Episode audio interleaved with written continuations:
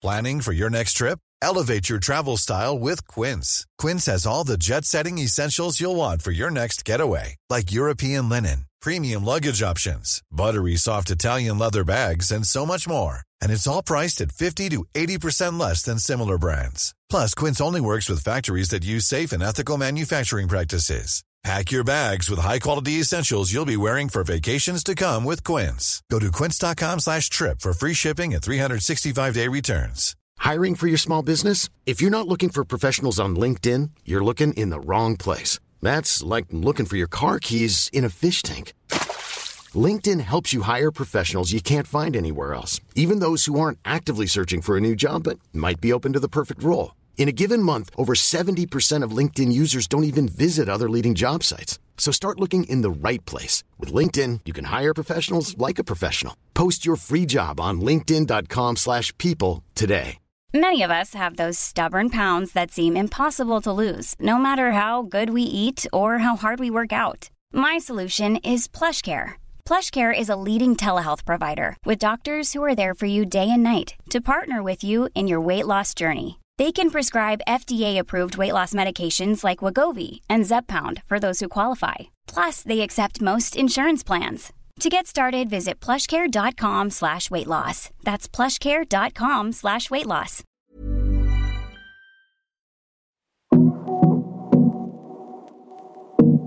Hej och varmt välkommen till Karriärpodden och avsnitt 256 där jag möter Simone Margolis, VD på Hemköp och Tempo. Hon har en gedigen karriär inom dagligvaruhandeln där hon tidigare var vice VD på Axfoods logistik och inköpsföretag Dagab och dessförinnan flera år som ledare inom ICA. Det här är ett samtal med civilingenjören vars karriär tog en annan riktning än den hon kanske först hade trott när hon gick ut från KTH. Vi pratar om vad ett datadrivet och analytiskt angreppssätt kan betyda för ledarskapet, att skapa engagemang och om vikten att tro på sig själv. Möt Hemköps första kvinnliga VD som med stor passion för både teknik och mat nu leder bolaget i stark tillväxt. Men innan vi drar igång vill jag passa på att tacka Karriärpodden och Women for Leaders samarbetspartner Volkswagen Group Sverige. Tack för att ni gör det möjligt för oss att sända Karriärpodden och att jag får fortsätta lyfta fram förebilder. Här kommer nu avsnitt 256 med min gäst Simon Margolis. Jag heter Eva Ekedal.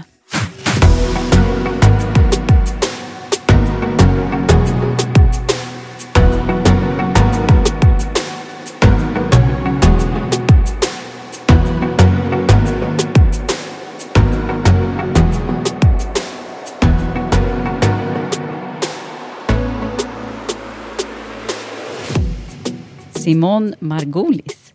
Välkommen till Karriärpodden. Stort tack. Det är så kul att du är här, för nu ska jag få kanske en av de första som får lära känna dig i poddformat. Är det så? Mm. Det är det? Mm.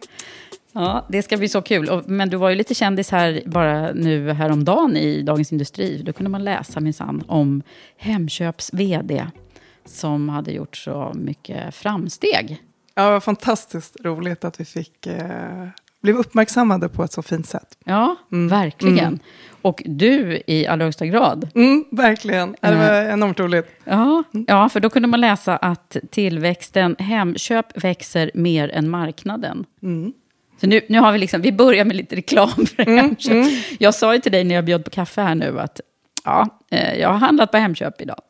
För det gör jag faktiskt ganska ofta. Inte varje dag, men eh, ganska ofta. Det, det är jätteroligt. Och det är ju eh, faktiskt det som är roligast, att det är fler och fler faktiskt som, som hittar oss. Mm. Och eh, eh, ger oss bra betyg. Mm. Och eh, då, då måste du ha gjort några bra saker här. För att det här ska hända. Mitt i, liksom, jag, men, eh, jag var öppet nyfiken. Det är ju ändå lite orosmoln på marknaden. Några aktörer växer väldigt mycket, några har det svårt på, på dagligvaruhandeln. Ja, eh, det är lätt att, att tro att det här har skett nu, utan vi började egentligen för, för tre år sedan med att dra fram en, en ny strategi för Hemköp. Eh, tydliggöra våra mål, vårt nya kundlöfte och vår nya vision.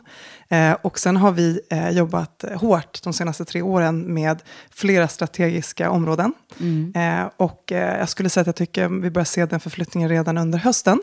Eh, och vi såg faktiskt att vi började växa marknadsandelen redan, redan under hösten. Och det har hållit i sig här nu och egentligen ökar eh, gapet eh, nu senaste två kvartalen, vilket är jätte, jätteroligt att se. Mm. Eh, så det är egentligen, tror jag, ett, ett resultat av eh, en tydlig plan som vi har jobbat mot. Ja, men det är ju intressant. Så att även fast det liksom är, blåser en massa orosvindar och ja, men hela världen är lite upp och ner, så kan man alltså, alltså när man tänker sig generellt sett, det här kan ju gälla vilket företag som helst, som helt plötsligt ändå går, i, liksom, tuffar på där, även fast det är de här knöliga tiderna. Ja, det, det viktiga har ju varit verkligen att förstå sig på förändringar i marknaden. Mm. Och eh, både ha en agenda på lång sikt, där man gör en stor långsiktig förflyttning. Mm. Eh, men parallellt har vi haft också väldigt många kortsiktiga eh, initiativ mm. för att eh, driva på den förflyttning och förändring som vi har velat eh, uppnå.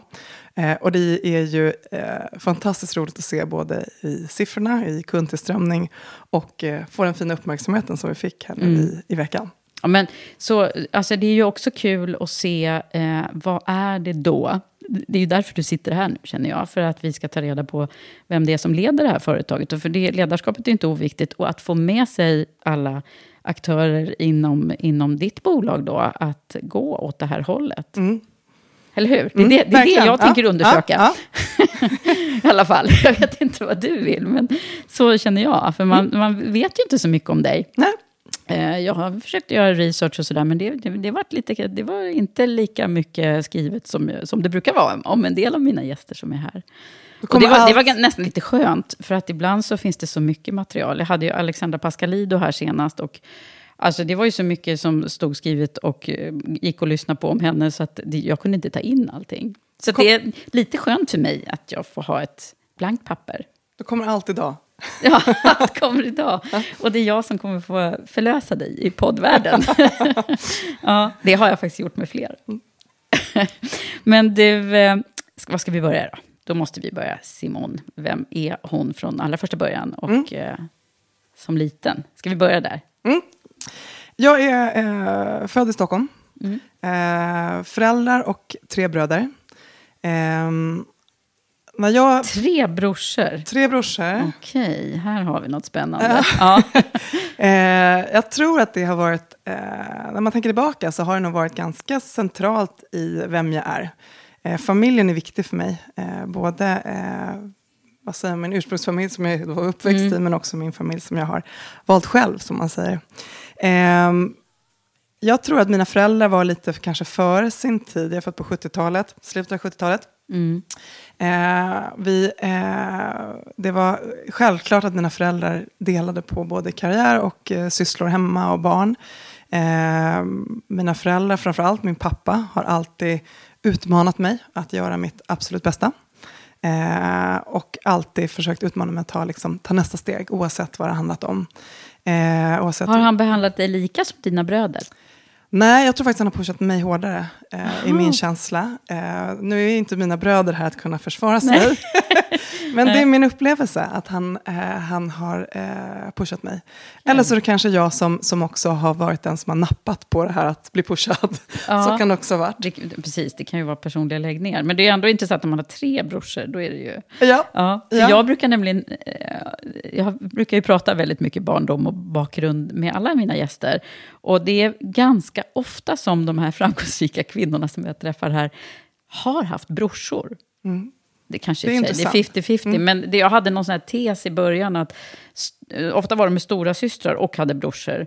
Men du är inte stora syster va? Nej, jag är mitt emellan där. Ja, uh. Okej, okay. mm, då faller den tesen. Men, men, men de, de, de, agerade lite eh, jämställt här, sa du, föräldrarna? Ja, det var alltid... Eh, det var ingen skillnad mellan oss syskon. Uh, skulle det uh, målas hus eller bytas däck på bilen eller skulle det Ja, jag, min storebror började plugga på, på Linköping till civilingenjör. Jag, det var självklart att jag skulle bli civilingenjör. Ja. Det var liksom inte fråga om kanske vad jag själv ville, utan civilingenjör skulle jag bli, för det var pappa också. Ja, så det att, var eh, det var tydligt. Och mamma då, vad var hon då? Eh, min mamma hon har haft konsultföretag inom organisationer, lärande organisationer. Eh, hon är socionom i grunden, men egenföretagare. Eh, så det var väldigt, tror jag, centralt både att, att de sinsemellan delade på eh, allt som hade med hem, som sagt, och karriär att göra. Men också att jag och mina bröder, det har inte gjorts någon skillnad riktigt mellan oss. Mer än att han Eh, pushade dig lite Han mer. pushade mig lite extra kanske. Mm.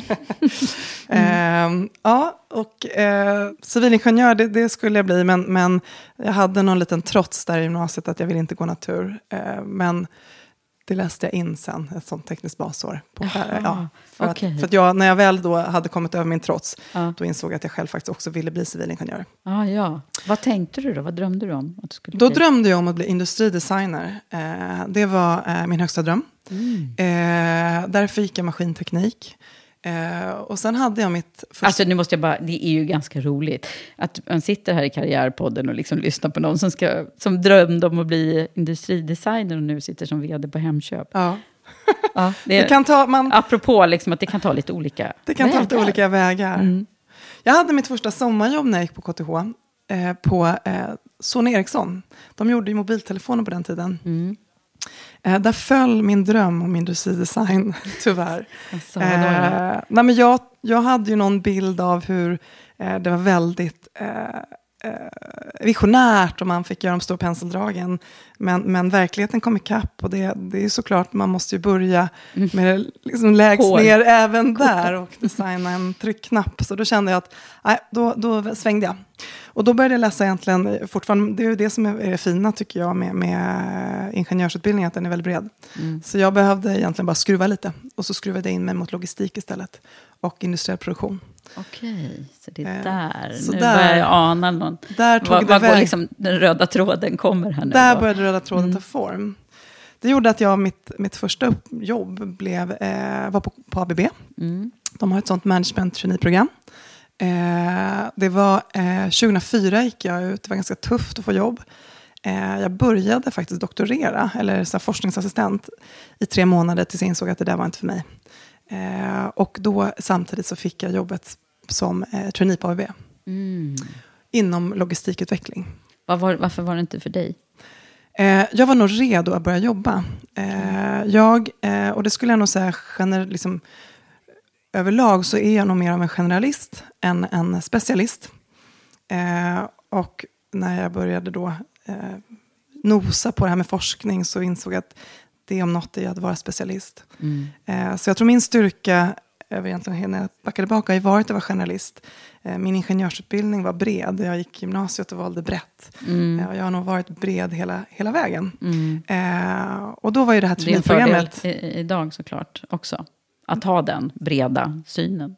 Absolut, det har Mm. nog faktiskt, som du, du säger, varit en, en, en styrka. Att kunna Mm. få flera olika perspektiv. Eh, sen behövs ju specialister. Eh, annars har ju vi generalister inget att komma Nej, precis. Och ibland så kanske man måste nörda ner sig i något Ja. för att liksom komma dit också. Ja, ja. Eh, ja men verkligen. Ja, men så då började jag eh, på ABB, eh, fantastiskt. Eh, då fick man testa olika saker och sen fick man någonstans sin tjänst i, i, inom, och då blev det inom eh, logistikutveckling. Mm. Framförallt eh, mot Kina. Ah, Okej. Ja. Mm. Eh, och det var ju enormt spännande. Logistik är ju eh, väldigt, väldigt roligt. Jag tycker om problemlösning. Jag tycker om just det här att titta jag någonstans uppifrån och ner, börja i de stora för att sen gå ner i det mindre. Och det tycker jag för mig är mycket logistik. Titta på de stora flödena för att sen förstå vad flaskhalsarna är och någonstans Och lösa, ut problemen. dem. Mm. Så där tror jag ihop fick jag Det, väldigt... det har jag hört flera säga. Här, eh, att, att logistik, det är kul. Ja, det är roligt.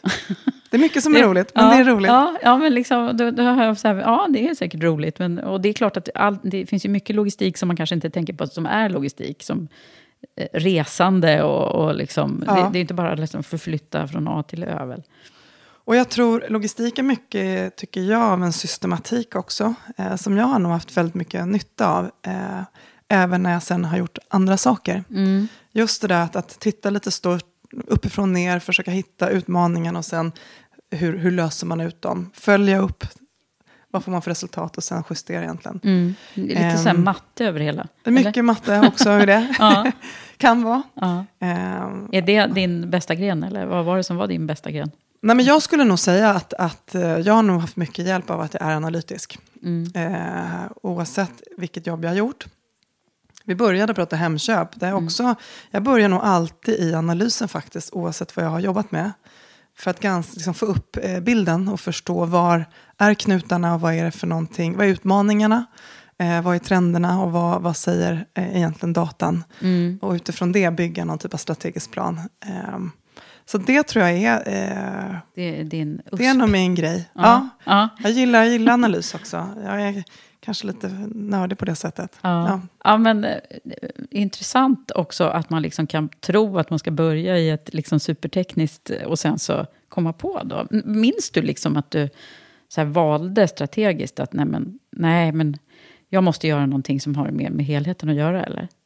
Nej, men jag tror att hela min... Eh, jag tror jag fick upp den bilden just eh, när jag bestämde att det inte var industridesign. Nej. utan då började eh, plugga liksom, kopplat till mer eh, processflöden.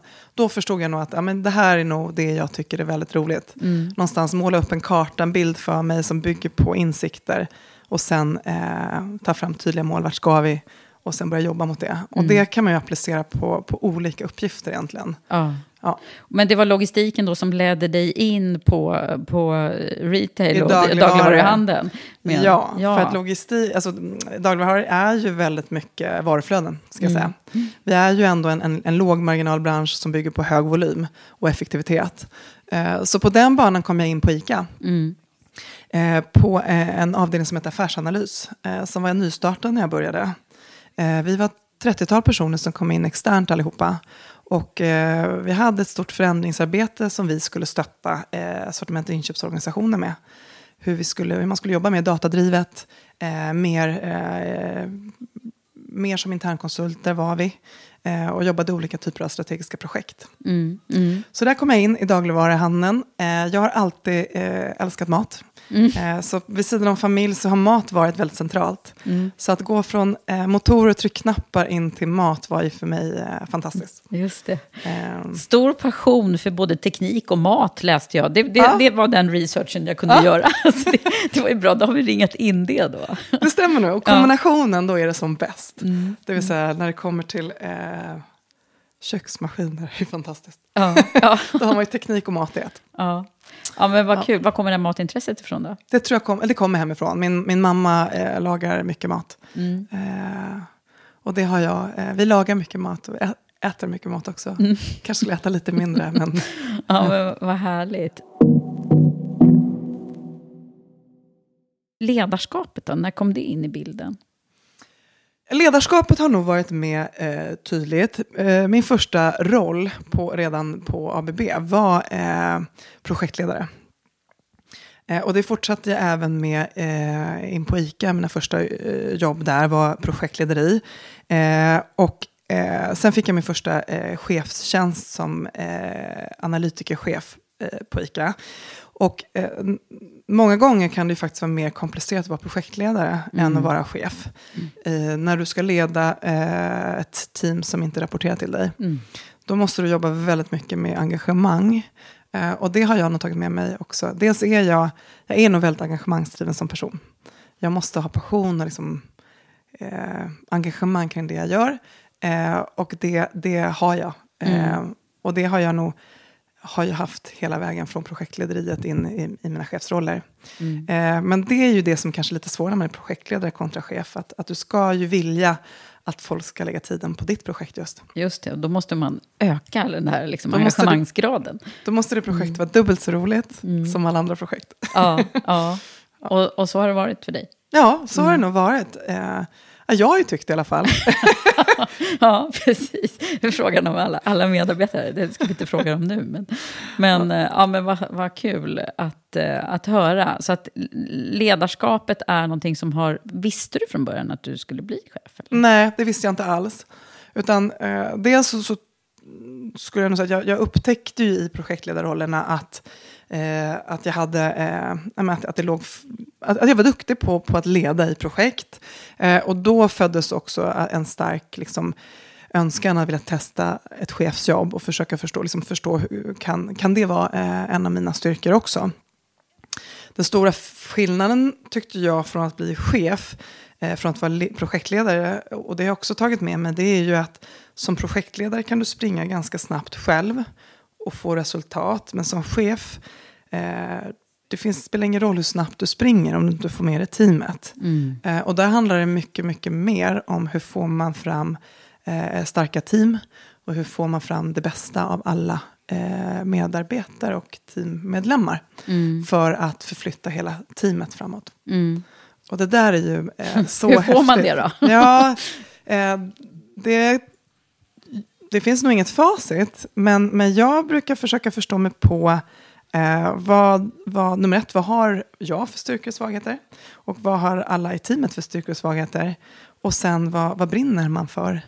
Eh, alla brinner inte för samma sak. Mm. Och jag tror att det är viktigt att få fram det där liksom, eh, passionen hos alla. Mm. Och det kan ju vara helt olika. Vissa har passion för resultat, andra för eh, ja, men jobbar man med det vi gör, att ta fram det härligaste sortimentet kan någon brinna för. En annan vill, vill, vill nå någonting annat. Så att, mm. att förstå just vad är eh, allas drivkrafter och passioner. Eh, och sen eh, förstå kompetenserna. Och få det att klicka på något sätt. Få det att liksom klicka och gå åt ett samma håll. Mm. Ja, det, det, det låter som bra nycklar där. Vad, har, vad, vad är din egen drivkraft då? Min drivkraft är, jag är ju, eh, jag är ju en resultatjunkie. okay, Ska jag säga. Ja. Det här att kunna vara någonstans, eh, dra upp ett mål, eh, det kan vara en vecka senare eller två år senare och se att man har gjort en förflyttning eh, och att det ger ett resultat. Då, då, är jag på topp. Mm. och, och, när du säger topp så är det någonting som, som jag brukar ägna mig lite åt också. Att, att försöka hitta, liksom, vad har dina toppar och dalar varit i, i livet? Mm. Och vad är det som, för det är ofta det som formar oss ganska mycket kring, mm. som människor. Förutom det vi har med oss från början, så att säga, och de här tidiga åren. Men, mm du som, som kanske har tittat lite på dig själv, vad, vad, vad, hittar du för någonting då? Vad är det för någonting som har varit mest formande för dig kring både toppar och dalar? Ja. Eh, jag, skulle, jag upplever att jag har haft eh, många toppar. Jag, försöker, jag, jag, tror nog att jag är en person som ofta ser liksom glaset som halvfullt. Mm. Eh, det betyder inte att det alltid har varit lätt. Men jag har nog ganska snabbt eh, funnit mig i när det har varit tufft eh, försökt vända det och bli konstruktiv och sen börja hitta en ny riktning och kraften i det. Eh, och också eh, skulle jag säga, och det ser jag som en styrka, jag har varit duktig på att be om hjälp. Mm. Eh, jag har haft några, eh, dels har man ju mindre dalar, men jag, jag upplever att jag kanske haft två lite större dalar. Den första sån här dalen som jag tyckte kändes var väldigt, väldigt tung, det var när jag fick mitt första Eh, större jobb var som affärsområdeschef för eh, de koloniala eh, inköpen och sortimenten på ICA. Mm. Eh, jag var mammaledig och eh, skulle komma tillbaka och då skulle jag börja det här jobbet. Eh, ett 20-tal medarbetare och ett, ett, ett resultatansvar på ja, dryga 30 miljarder var det på den tiden. Mm. Så det var ett jätteuppdrag från det jag gick från. en månad in så hade i princip hela mitt team sagt upp sig. Oh. Eh, och då var jag ordentligt knäckt, ska jag säga. Eh, dels mycket tankar, var det riktat mot mig? Var det att de inte, liksom, att de inte fick jobbet? Eller var, var det mig de inte ville jobba med? Det mm. var tungt. Det var också tungt att stå med hela det här ansvaret. Eh, och det kan man inte göra själv. Eh, och då bad jag, eh, tog jag en kväll, det här kvällarna sista, ja. sista sa upp sig. Eh, gick jag hem, grät en skvätt och sen så eh, bad jag min kollega om hjälp. Eh, och sen gjorde jag en plan och så liksom kavlade upp armarna och så körde vi. liksom. Eh, och det blev ju jättebra till mm. slut. Eh, wow. Jag fick in ett jättefint team, ett grymt team. Eh, och vi vi vände och tog marknadsandelar och, och gjorde en riktigt, riktigt bra resa i det jobbet. Mm. Så att det där, liksom, nästa gång när jag har haft det tufft har jag försökt titta tillbaka till det där och säga att det kom ju någonting bra av det där. Mm, precis. Eh, och försöka, Alla tänka dalar till. blir oftast toppar också på något konstigt sätt. Alltså. Ja. Eller inte alla, men, men eh, det, det är ändå så att man kan se det från två sidor. ja, Efterhand i alla fall. och, och så lite försöka tänka så. Men, men det var riktigt tufft tyckte jag. Men vad var det som hade hänt då? Varför stack de bara? Fick Men du något vet- svar på det? Nej, det fick jag inte. Jag tror att, att det var flera i det teamet som ville ha det fina jobbet. Mm. Eh, och sen fick de istället, de alla gick till nya jättefina jobb. Mm. Eh, så de, de fick inte det och de fick istället väldigt många nya andra Mm. fina uppdrag. Så de fick, fick ju jättefina, eh, och då landade jag ut, eh, jag väljer att hoppas att det inte var kopplat till mig som person. Mm. Mm. Men då hade du precis varit hemma eller? Ja, jag hade Mm. varit hemma eh, med mitt tredje barn. Mm. Just det. Mm. Ja, där har vi en har vi topp en dag. som blev en... Eller en dag var en som blev en dal. topp. Ja, det något blev ju det, men det var ju tufft där några, eh, det var ju nog ett halvår som var rätt tufft. Mm. Den andra, då ska man säga dalen, det var väl kanske samma tema. Det var ju, eh, jag började mitt uppdrag på Hemköp 21 februari 2020. Eh, sådär glad och Mm. Ja, energisk. Precis innan. ja. Och sen efter tre veckor så, så blev det ju en pandemi. Ja. Och eh, vi har ju många stora butiker i centrumlägen. Eh, där eh, vi tappade väldigt mycket omsättning. Samtidigt som vi hade väldigt hög omsättning i bostadsnära butiker. Mm. Vi hade, det var ju aldrig frågan om att våra butiksmedarbetare kunde jobba hemifrån. Nej. Och jobba digitalt. Så att vi hade, jag kände ett enormt ansvar för våra medarbetares säkerhet. Våra kunders säkerhet. Mm. Eh, och alla tittade på mig tre veckor in. Vad gör vi nu? Och jag, jag tänkte först, ja, Ja. vad, vad gör vi nu? Och landade i att någonstans, det finns ju inte något facit. Nej. Så att vi tillsammans fick ju ta fram vår plan och vad vi trodde på. Och ni var ju så här mitt i det här toa, toapappers...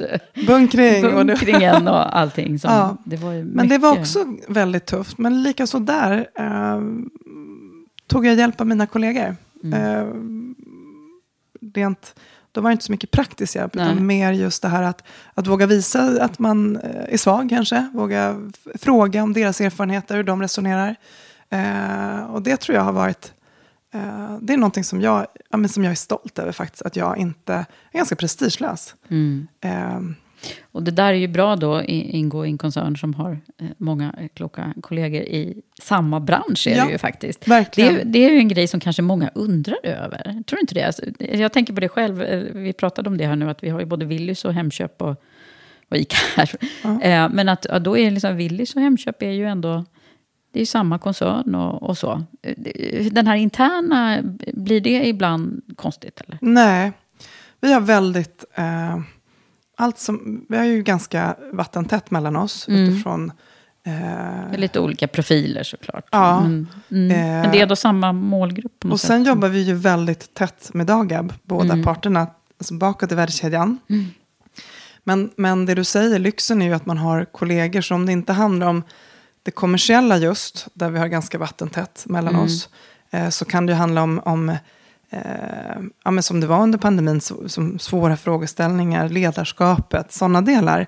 Eh, där är en fantastisk styrka att ha kollegor som sitter i samma situation. Och, Mm. man, eh, och där har jag haft förmånen att ha eh, väldigt seniora kollegor. Mm. Som är också väldigt generösa kollegor, ska jag säga. Ja, men det är ju fantastiskt. Mm. Det kan jag tänka mig. Och, och det måste väl gälla samma sak, tänker jag på era. För du, visst är det så att butikerna är delvis eh, också egenföretagare, franchisetagare hos dig? Ja, Eh, och det är likadant där då? Att man, Ja. så att säga, man är inte ensam så här, som har en butik som inte, och inte kan fråga någon då om man behöver hjälp, så att säga. nej, utan vi har ju, som du precis beskrev, vi har egenägda butiker Mm. och vi har franchisetagare. Och det är ju eh, fantastiskt hur vi kan liksom byta erfarenheter mellan varandra. Och på så sätt hitta någonstans guldkornen som finns överallt. Och sen försöker vi centralt hjälpa till att skala upp de här till större initiativ. Så att vi kan få en större skala i de, i de guldkorn som finns. Mm. Eh, Och det kan handla om eh, kompetens, det kan handla om reella försäljningsdrivande åtgärder etc. Mm. Men fördelen med att, att, att kroka arm helt enkelt. Verkligen, Mm. verkligen. Men du, eh, vad är det mer då som har varit för stunder som har varit tufft för dig? Nej, men jag, jag tycker väl att, och det kommer och går, liksom tron att, att, att tro på sig själv. Eh, att våga ta det där lite större uppdraget. Klarar jag det? Fixar jag det där verkligen? Eller, eller är, det där, är, det där, är det där verkligen mer än vad jag klarar? Och någonstans eh, våga landa i att det värsta som kan hända är att man misslyckas. Och det är inte så farligt egentligen att misslyckas. De flesta misslyckandena lär man sig kanske någonting ifrån eller kan ta sig ifrån. Och, eh, ja, man, har, det för, har det varit några stunder i livet som har... Ja, men det har ju varit många gånger man har misslyckats och, och det har blivit väldigt goda lärdomar. Och jag hade... Eh, det är också en sån grej som jag verkligen har tagit med mig. Jag gjorde, en, jag gjorde bort mig en gång eh, och hade eh, en chef som jag var väldigt tydlig med att berätta, oj, det här har hänt. Ja, vad kostade det då? Ja, men det kostade så här. Jaha, var det inte mer? Ja, men då, då ser vi det som en lärdom. Mm. Eh, och det var ändå rätt mycket pengar det kostade. Eh, och det fick jag som en väldigt stor respekt för den personen. Och det har jag tagit med mig. Att eh, man måste våga göra misstag. Annars har man ju inte maxat sig själv. Man har inte liksom tagit och utmanat sig själv till max. Eh, och då går inte alltid rätt. Så det där skulle jag nog eh, skicka med till mig själv lite mer. Att, våga, att man ska våga tro på sig mer. Och eh, eh, det är inte hela världen om man, man misslyckas någon gång då och då. Nej, så är det ju. Vad hittar vi mer för nycklar när du ska göra din egen analys här? Varför har jag blivit den jag är? Ja, det är ju en väldigt bra fråga. Eh, jag tror att eh, ja, men det finns flera delar. Dels så, som jag var inne på, jag är lite av en res resultatjunkie. Mm. Så jag behöver ju hitta uppdrag eh, där jag kan tydligt mäta resultat. Det är en mm. viktig del för mig. Eh, jag är nog ganska driven och gillar att utmana och tänka. Och det kanske inte alltid är jag själv som är den som tänker nytt, utan att utmana andra att nu behöver vi tänka nytt. Jag, jag tycker att eh, jag, jag triggas av det här att, men har vi alltid gjort det på det här sättet? Vad händer om man gör det på det här sättet, på ett annat sätt istället? Vad får vi ut för resultat då? Så att, eh, det är någonting som jag tror varför jag hamnat där jag, där jag är också. Jag är lite inte längre, vilket är väldigt roligt. Men jag var en ganska udda fågel som civilingenjör i vår bransch. När jag började i vår bransch 2016. Nej, 2006. Mm. 2006 började jag. Mm. Det var inte många civilingenjörer i, inom dagligvaruhandeln då. Vi var några stycken. Eh, nu är vi ju många. Kanske eh. inte så många kvinnor heller som var civilingenjörer från början. Nej, nej. Eh, men nu är det ju faktiskt, vilket är, väldigt roligt. Det tror jag också var är eh, varför jag är där, liksom där jag är. Att, att, att kunna känna att komma med ett annat perspektiv. Eh, jag tror väl mycket på, det är ju klassiskt liksom, att vill man ha ett annat resultat då kan man inte fortsätta göra det på samma sätt som man alltid har gjort. Och då måste man ju också mm. göra saker på ett annat sätt. Och att komma in med lite annat perspektiv. Eh, jag, jag brinner för, jag är inne lite på det kring analys och data. Eh, ha ett lite mer, liksom, ja, kanske ingenjörsaktigt. Och vad menar jag med det? Jo, men mer matematiskt, mer pro, liksom problemlösa perspektiv ihop med den gedigna kompetensen som redan fanns inom daglighandeln. Det är liksom när man mixar de här kompetenserna som det händer som någonting det bra, häftigt. Ja, det skulle inte funka om man bara satt och Nej, och det hade ju liksom inte funkat alls. Nej. Och jag eh. tänker också en, en, tredje viktig nyckel är ju just eh, ledarskapet och den, den liksom kultur man skapar med sitt, med, med sitt engagemang. Ja, mm. så, så jag tror den, som du säger, att få in en, en, en, till, en till pusselbit i en kontext har för mig tror jag gjort att jag också har kunnat skapa lite andra resultat än vad man hade gjort innan. Eh, och ja, det tror jag är nyckeln till varför jag är där jag är mm. också. Och varför jag också är kvar i branschen. För att det händer nu. Ja, men nu är det jättemycket som du säger. Nu bygger hela vår bransch på dataanalys. Ja, ja, eh, AI, machine learning. Ja. Med, nu är jag ju omsprungen ja. för flera, flera år sedan. Mm. Så, att, så, att eh, så är det ju. Vilket är, är jätteroligt. Ja. Men, men eh, om man skulle ha frågat någon av dina lärare eller någon annan som, som såg dig eh, i unga år Eh, om de skulle, giss, skulle de ha gissat det här då? Att du sitter som vd på en stor organisation? Jag vet inte. Jag har, nog, jag har nog alltid varit ganska driven. Jag var duktig i skolan. Jag var jättedriven i att få bra betyg. Eh, jag var driven även på högskolan. Eh, jag har alltid varit den som ställer massa frågor. Eh, det har också varit något som jag tror kanske har ut, gör mig lite udda fågel. att jag alltid ställer massa frågor. mm. eh, och först, jag tror i, i skolan var det, det slogs av, det var många som jag, vet, jag minns det väl, på KTH när vi fick först, då, då satte man upp tenteresultaten på dörrarna, så alla skulle se. Mm. Och då vet jag hur mina nya kompisar, va, du fick ju jättebra på det här provet. Ja, varför skulle jag inte få det? Ja, men du ställer så mycket frågor. Ja, ja. Okay. Kanske att, just att, därför du fick bra. Mm. Ja, att, att jag ställer inte frågor för att jag inte kan. Jag ställer frågor för att jag vill förstå mer. Liksom. Så det tror jag är något som faktiskt är centralt kring mig som person också. Mm. Eh, om man inte känner mig kanske man kan känna sig bara ifrågasatt. Medan jag ofta ställer frågor för att jag vill förstå. Mm. Och sen över tid kunna utmana. Eh, Okej, okay, så det, det, är många som kan, menar du, missförstå det där? Jag, jag, tror det ibland, mm. sett första möte. Att man mm. kanske känner sig ifrågasatt snarare än att det faktiskt är att jag vill förstå. Och liksom, mm. eh, över tid så vill man ju också kunna utmana folk i sin omgivning. Och då behöver man ju förstå. Ja. Eh, även områden som man kanske historiskt inte kan. Ja, just det. Ja, Aha, vad spännande. Men vad, vad brottas du med då? Mycket. eh, rent personligt så brottas jag med eh, det här engagemanget jag har och passionen. Baksidan av det är ju att jag har ett eh, temperament. Mm. eh, och det eh, brottas jag med. Eh, jag tycker att det har varit en lärdom för mig att eh, i den rollen jag har nu, eh, i början hängde inte det riktigt med i mitt huvud. Att jag, nu är jag inte bara Simon, nu är jag faktiskt nu är jag också vd för Hemköp. Då kan jag kanske inte brusa upp på det sättet som jag hade kunnat gjort i tidigare roller. Mm. Eh, så det har varit en, en, eh, vi pratar dalar, det har varit en tuff resa för mig att förstå mig på hur jag ska hantera eh, mitt temperament. Mm. Och jag tycker jag har fått väldigt mycket bra eh, verktyg i det. Mm. Eh, så det brottas jag med. Ja. Mm. För att jag vill inte heller bli... Det låter ganska härligt tycker jag. Eh, det är också kanske lätt att läsa dig då. Men, men ja. det är klart att det, det, det kanske inte går i alla lägen då. Nej, men det är ju, all, det är ju fördelarna. Det är lätt, mm. Man behöver inte gissa vad man har mig. Så.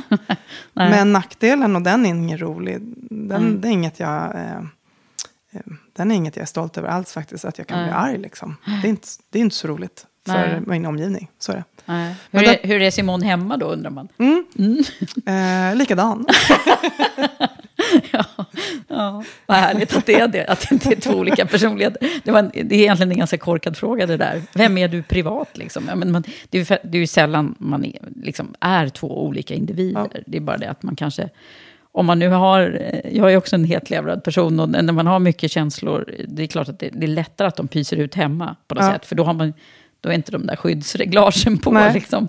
Men, eh, men, men på det ja. temat, det är något jag brottas med, att inte i alla situationer vara mitt fulla register.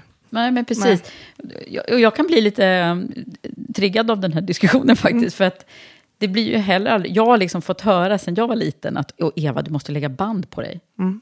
Det är ju inte så kul. Och behöva liksom göra om sig själv mm. lite då ju. Har du också fått höra det? Mm. Eller liksom...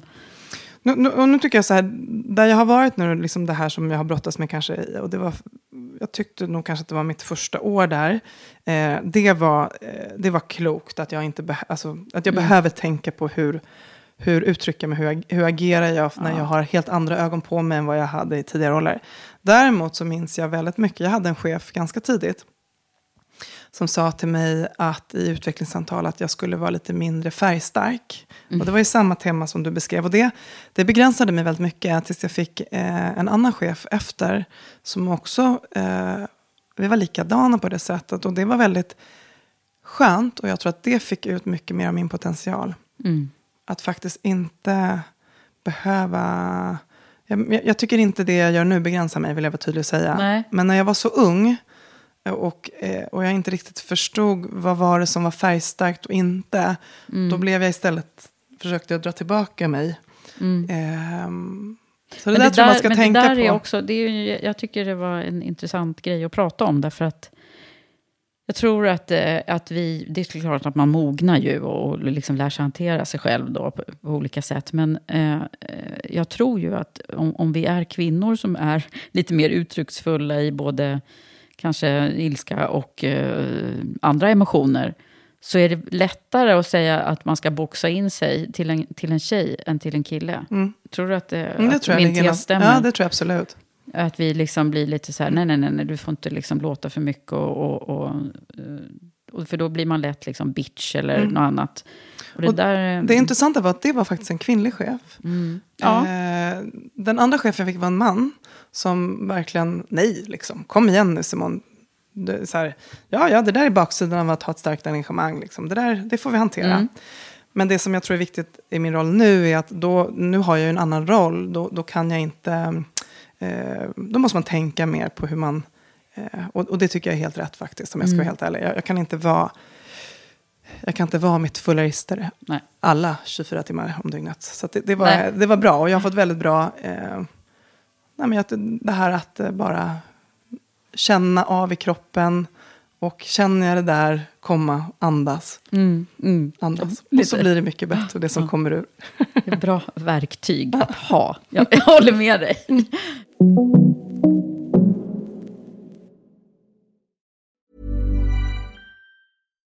One size fits all seems like a good idea for clothes until you try them on. Same goes for healthcare. That's why United Healthcare offers flexible, budget friendly coverage for medical, vision, dental, and more. Learn more at uh1.com. There's never been a faster or easier way to start your weight loss journey than with PlushCare. PlushCare accepts most insurance plans and gives you online access to board-certified physicians who can prescribe FDA-approved weight loss medications like Wigovi and Zepbound for those who qualify.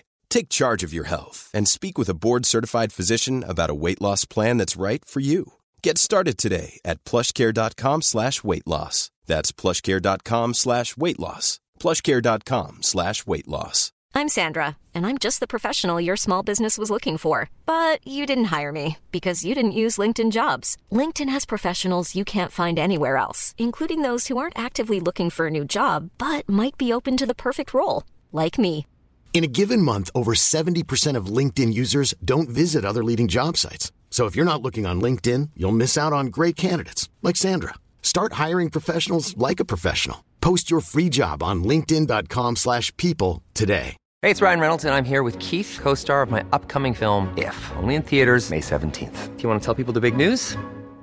All right, I'll do. Sign up now and you'll get unlimited for $15 a month in six months of Paramount Plus Essential Plan on us. Mintmobile.com slash switch. Upfront payment of $45 equivalent to $15 per month. Unlimited over 40 gigabytes per month. Face lower speeds. Videos at 480p. Active Mint customers by 531.24 get six months of Paramount Plus Essential Plan. Auto renews after six months. Offer ends May 31st, 2024. Separate Paramount Plus registration required. Terms and conditions apply if rated PG.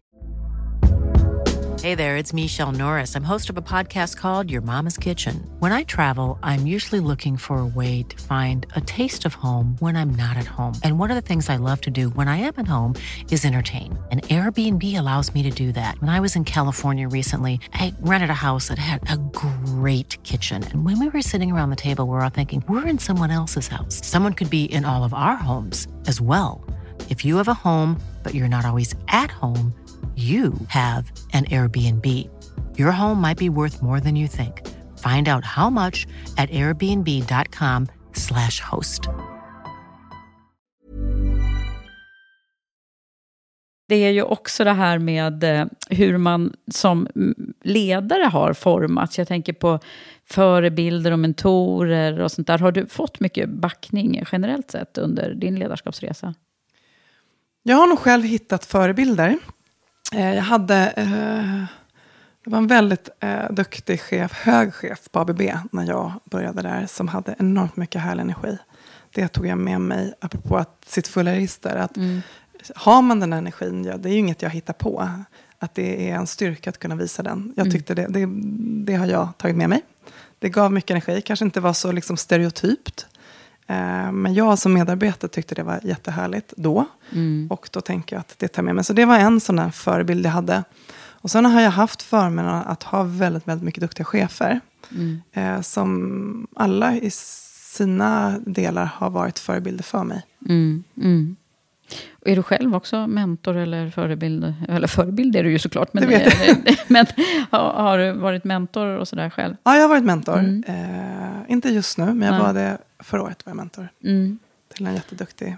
Du nämnde ju också för mig att, att det här med jämställdhet har funnits med dig eh, ganska naturligt från början. Då låter det som eh, föräldrarna som hade delat på, Mm. på, på sysslorna hemma och ge- gett er en jämställd eh, uppfostran. Men sen att det vaknade till liv lite när du började på KTH där, att du förstod. Ja.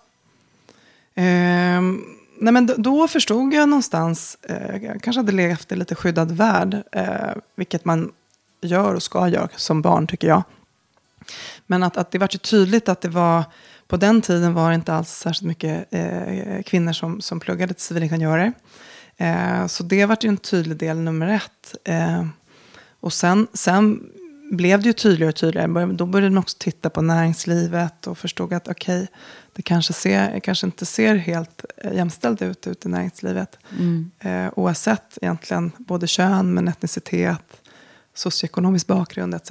Mm. Mm. Man har olika förutsättningar kanske. Mm. Eh, och det eh, tycker jag eh, har ju varit en, en, en viktig fråga för mig. Hur man jobbar med mångfald utifrån alla perspektiv. Mm, ni är ju duktiga på det inom, inom Axfood och Axel Jonsson-koncernen. Ja. Totalt sett. Men, men eh, vad, vad, är din liksom, syn på, på jämställdhet? Ska vi, vi toucha vid den lite? Ja.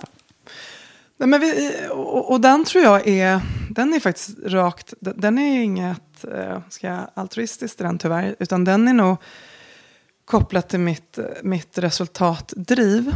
Eh, att jag, jag har bara erfarenhet, och jag vet att forskning också säger det, men att, att har man mångfald i team så får man ju bättre resultat. Man får in mer perspektiv, man blir mer innovativ, eh, man, man eh, får högre teameffektivitet etc. Mm. Mm. Så för mig har ju den varit en, en, kan man säga, en väg till att, att nå högre affärsvärde. Ska jag säga. Mm. mm. Och sen kan jag säga rent, sen rent personligt, för mig så har det ju eh, varit självklart att alla ska ha samma förutsättningar om man har samma kompetens. Mm. Um, det är något, där kommer ju någon, tycker jag, en, en väldigt stark värdering hos mig. Mm. Att, uh, Men hur har det varit för dig då? Sen när du, när du kom ut från KTH? Att du, för du har ju agerat i en, en del uh, mansdominerade miljöer då. Ja, jag har, jag har nog haft fördel att vara i, i bolag där man har om, man har inte varit kanske alla gånger så jämställd, men man har haft en väldigt stark drivkraft att bli det. Det har varit bolag som har varit duktiga på att identifiera, lyfta och uh, utveckla uh, medarbetare som vill utvecklas. Mm. Så på så sätt så har jag nog haft uh, tur att befunnit mig i sådana kontexter. Mm. Men hur har det varit för dig då, liksom personligt? Ja, eller jag, faktiskt säga, jag vet inte om det har med tur att göra kan jag säga. För mig är det en så stark värdering. Jag hade nog inte funkat i ett bolag som inte har så tydliga värderingar mm. kopplat till jämställdhet och mångfald. Nej, Faktiskt. Nej. Jag hade nog inte... Eh, Gillat läget helt enkelt. Nej. nej. Så, så är det. Mm.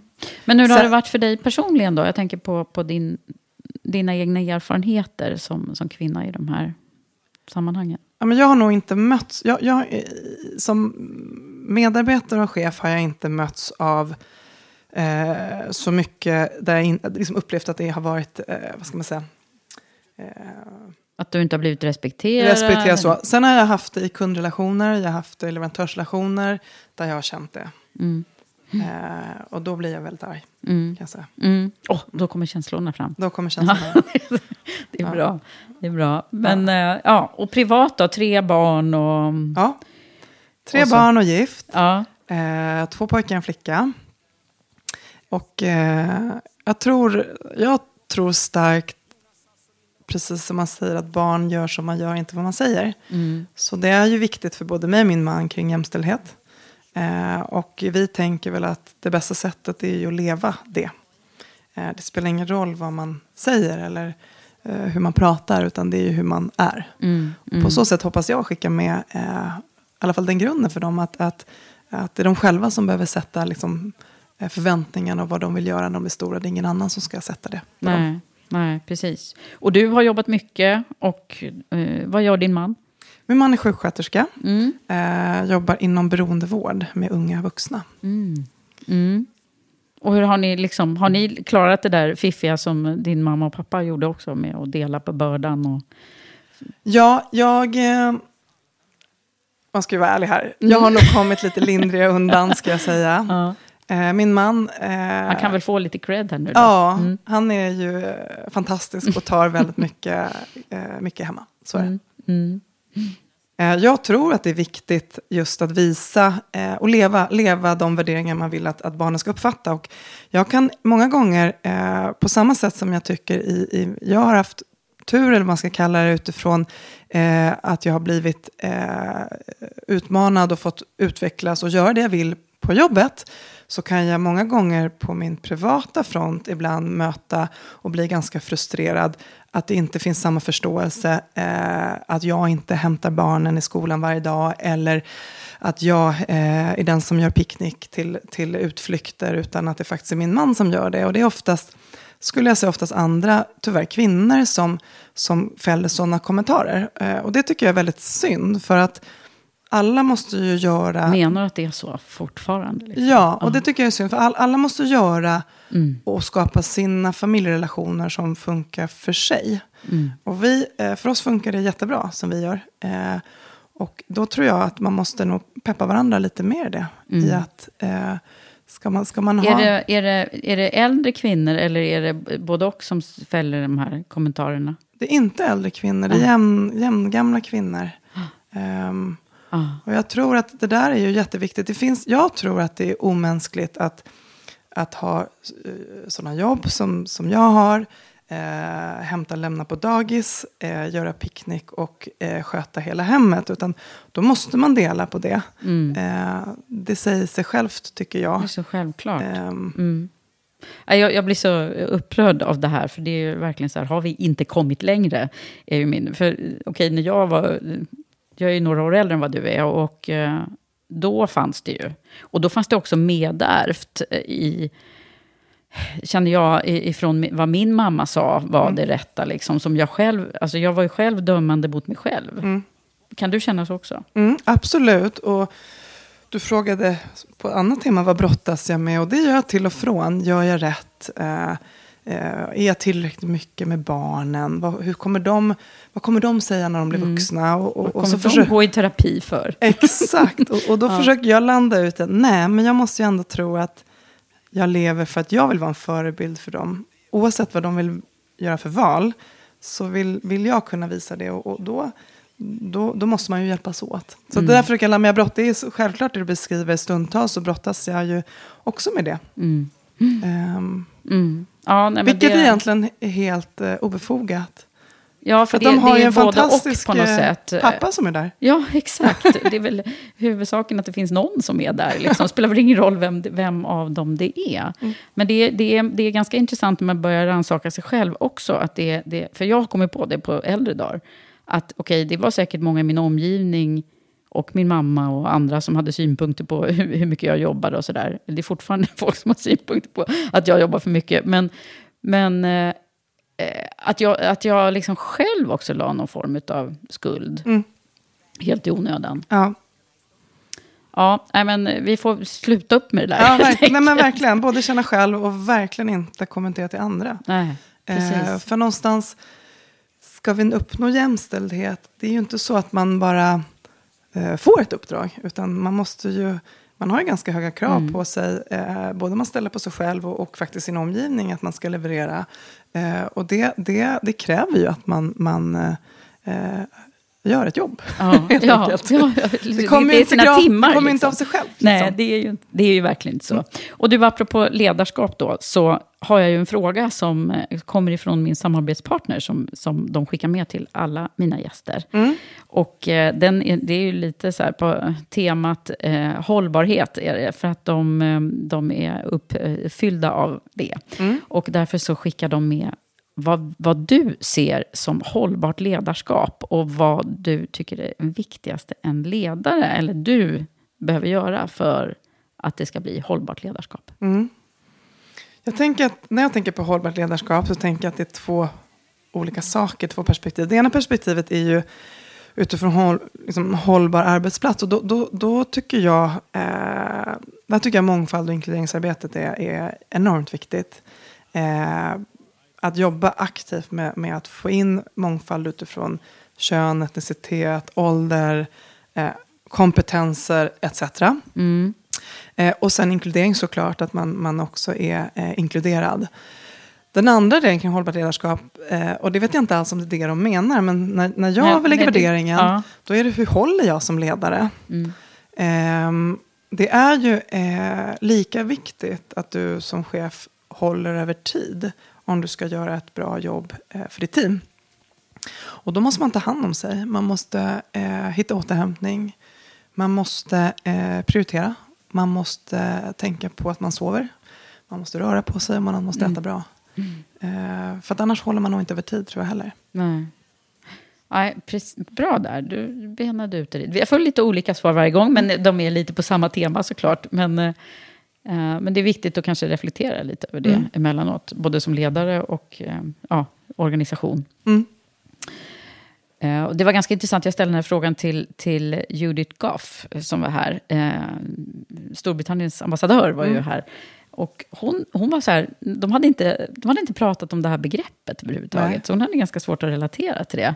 Eh, men eh, alltså hon, hon förstod ju grejen, men, men eh, eh, de använder inte den vokabulären. Nej, intressant. Ja, visst var det? Ja. Så det är så här svensk grej som vi håller på Ja. och pratar väldigt mycket om. Mm. Och jag bidrar till den, och även Volkswagen. Mm. Eh, men du, eh, vi ska gå vidare. Och jag eh, tänker så här nu, om, om, låt säga att det sitter, eh, mm, vi har ju en ganska bred lyssnarskara i Karriärpodden, man kan vara väldigt många olika åldrar. Eh, och eh, på olika ställen i karriären. En del i början och en del mitt i den. Men vad är det för någonting som du kan se som har varit så här viktiga nycklar för dig? För att du är den där du är idag. Mm. Om vi ska ta så här pay it forward. Mm, mm. Det finns... Eh, jag har haft duktiga eh, chefer, som jag har sagt det flera gånger, som har genuint velat att man ska lyckas och också eh, utmanat och lyft mig. Mm. Det är ju A och O, Ja. tror jag. Om man inte har en chef som genuint vill att man ska lyckas och vill lyfta en, eh, så har man väldigt svårt, tror jag, att, att lyckas. Mm, det är många som har trott på dig. Ja, många som har trott på mig. Mm. Och kanske utmanat mig mer än vad jag alltså, själv har vågat. Ibland, ibland måste man få den där lilla knuffen att Mm. våga ta det där steget. Ehm, du borde söka det där jobbet. Eller du borde ta det, jag, Mm. jag ser att du ska ha den här, det här uppdraget eller uppgiften. Att, ja, men kan jag det? Självklart, det är klart du ska ha det. Liksom. Mm. Så det, det har varit centralt. Eh, sen tror jag också en del att jag har nog eh, varit duktig på eh, att också lyfta fram tidigt tydliggöra för min omgivning vad är resan jag vill göra. Få en, en typ av buy-in på att ja, men det låter klokt. Och sen tydligt liksom, under resan visa på stegen vi tar. Så att, att, eh, så att man har med sin omgivning på, på både resan och också eh, stegen man tar framåt. För att också kunna känna förflyttningen. Eh, den är viktig för mig att kunna känna mitt engagemang, att jag ser förflyttningen.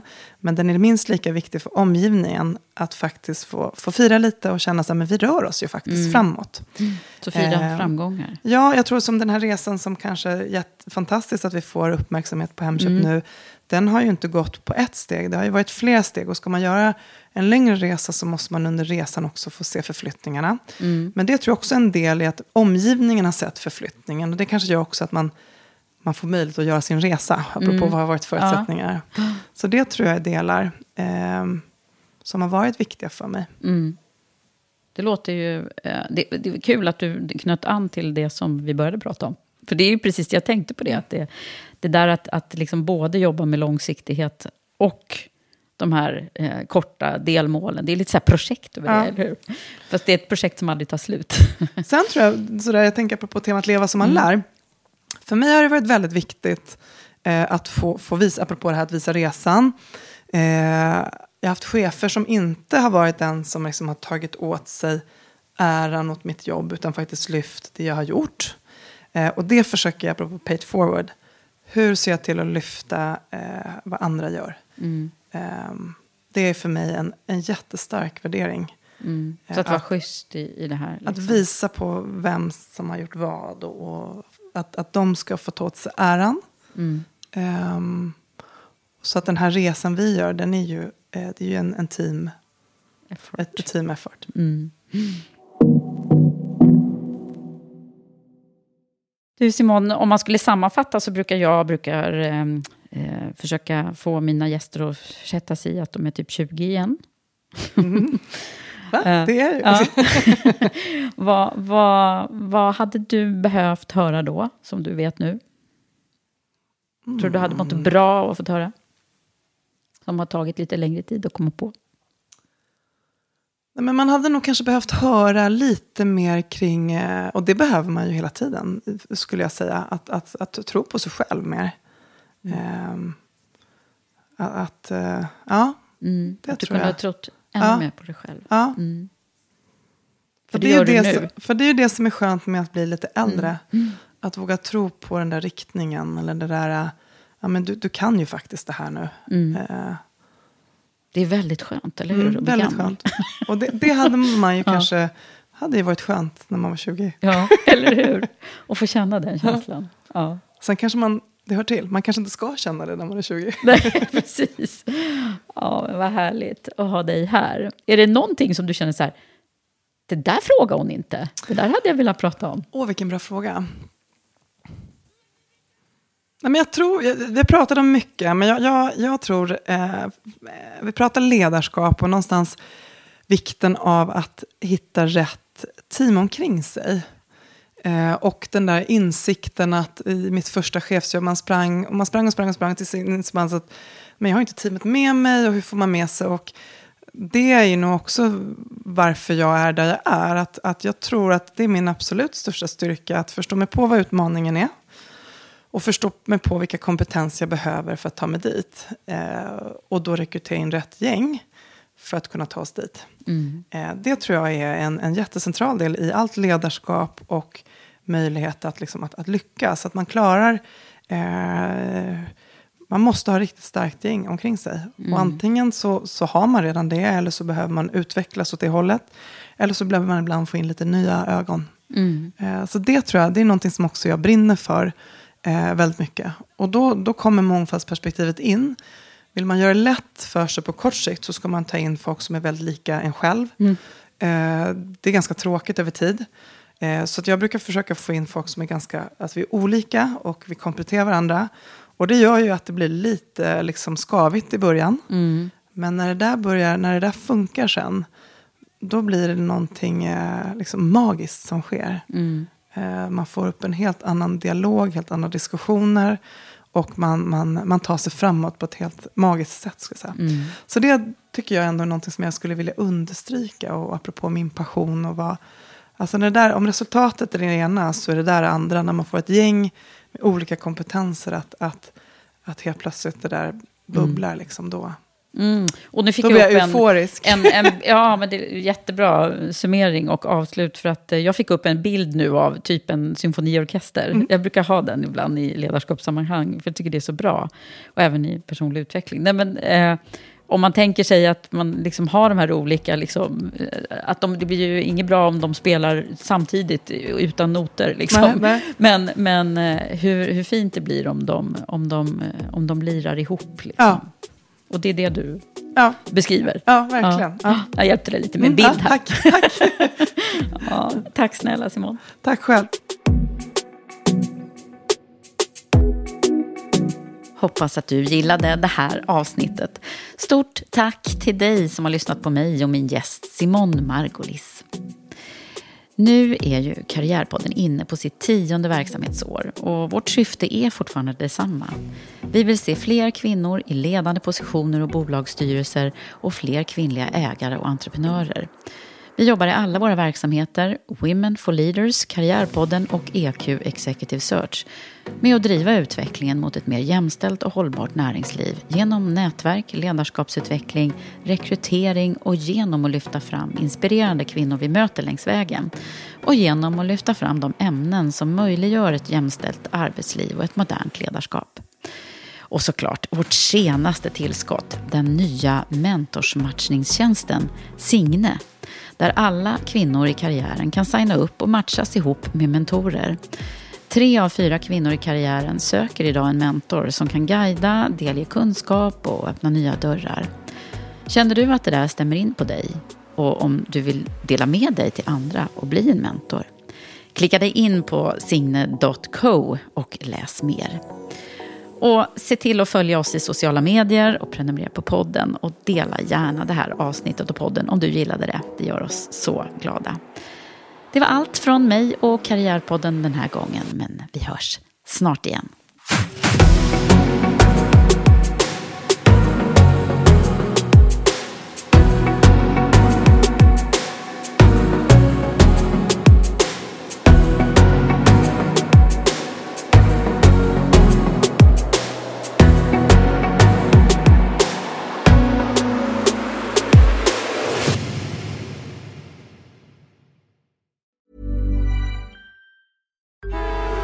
Traffic jams, tailgating, pileups.